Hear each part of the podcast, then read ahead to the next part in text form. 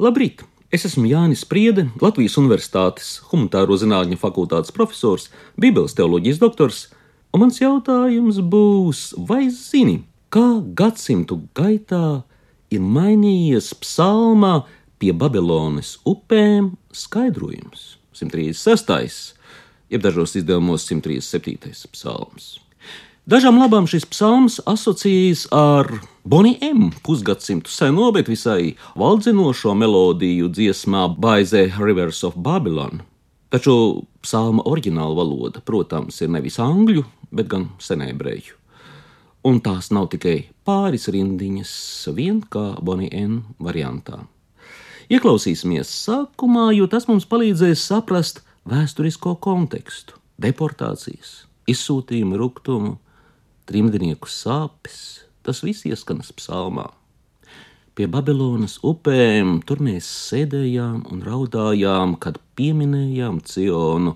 Tur vidū vītolos mēs pakārām savas cītaras, jo gūstītāji prasīja no mums dziesmas vārdus un slavas dziesmu, mūsu aizvedēji uzdziediet mums kādu Ciona dziesmu. Kā gan lai dziedam, kunga dziesmu stāvot uz svešas zemes? Jeruzaleme. Ja tevi aizmirsīšu, lai atmirst man labā roka, lai pielīp augslējā mēlē, ja neatminēšos tevi. Par Babilonas upēm, Tigru un Eifratu droši vien esam dzirdējuši skolas solām. Par Cionu tajā laikā sauc Uzkalnu, Jeruzalemē, kur atradās Salmana celtais templis, ko kādus nepilnus 600 gadus pirms Kristus babilonieši nopūstīja nopostīja ne tikai svētvietu, bet līdz ar visām materiālajām vērtībām nolaupīja arī Jeruzalemes iedzīvotājus. Un kurš tad nu sodīs valdnieku par teritoriju, paplašināšanu, bērnu aizvešanu? Hāgas tiesa vēl nebija, un neviens cits sodītājs nepieteicās. Tālāk, jā, psalma tekstā dzirdēsim arī par piekto kolonu, tolāk Jeruzalemes austrumu kaimiņu tautas pārstāvjiem, Edomiešiem. Daudzi no viņiem izmantoja gadījumu, dežurēja Jeruzalemē un tās tuvumā, lai nodrošinātu, ka potenciālie deportējamie neizmūk.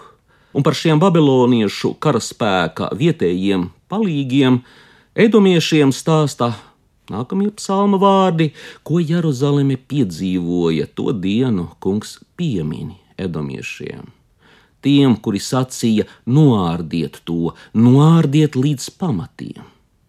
Kaut kur dzirdēta attieksme, vai ne? Nav arī jābrīnās, ka psalmā ieskanas vārdi, ar kuriem uz Babilonu aizvestie vēršas pret saviem deportētājiem, vēršas dziesmā. Taču to dara ļoti poētiskā valodā. Arī latviešu valodā tautu dēls vai tautu meita ir nevis kāds konkrēts cilvēks, bet gan abstrakcija, kas vismaz kaut kādā veidā ietver visu tautu. Cionas meitā ir Jeruzaleme Babilonas meita nozīmē Babilonu ar visiem tās impērijas iedzīvotājiem, un psalma nobeigums skan poētiski, bet nežēlīgi. Babilonas meita, nožēlojamā, svētlaimīgs, kas tev atmaksās mums nodarīto, svētlaimīgs, kas tavus pašas bērnus satvēris, satrieks pret klinti. Atzīsimies, Bērnu nogalināšana šķiet kaut kas briesmīgs. Judeokristīgajā kultūrā, kas līdz šim bija viens no Eiropas civilizācijas stūrakmeņiem, bērni tika taču uzskatīti par īpašu vērtību. Nav iespējams interpretācijā, skaidrojumā apvienot kristīgo tuvāku mīlestību ar bērnu nogalināšanu. Tādēļ līdz ar kristietības sākumiem psalma skaidrojums radikāli mainījās. Labs piemērs ir 4. gadsimta komentators, klasisko izglītību iegūšais tulkotājs Hieronims. Viņš, skaidrojot psalmu, norāda, ka Babilona ir hausa, nesakārtotības simbols. Babilonas meita, saka Hieronims, taču ir cilvēka psihe. Tāda cilvēka dvēsele, kam nav droša pamata, kas svaidās, nemierīgi mētājās, slīgs savās vājībās, tā ir nožēlojama. Bet, ja Babilona ir dvēsele, kas tad ir tie bērni, kas jāiznīcina triecot pret klinti.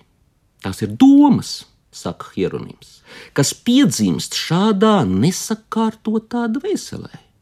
Tās ir ļaunas un bīstamas idejas. Nevajag lolot un auklēt šīs domas, saka Hieronyms. Pat nemirkli to nevajag darīt. Ja doma rodas, ļauna doma, tā jāiznīcina uzreiz, tā jātriec pret klinti. Un kristietībā, kā visiem zināms, klints nav nekas cits kā Kristus. Nonāvēja ļaunās domas, tavus ienaidniekus, kamēr vēl tīri sīki, lai nesakuplo kā nezāles, nocērt ļaunumu, kamēr tas vēl tikai iedīglī.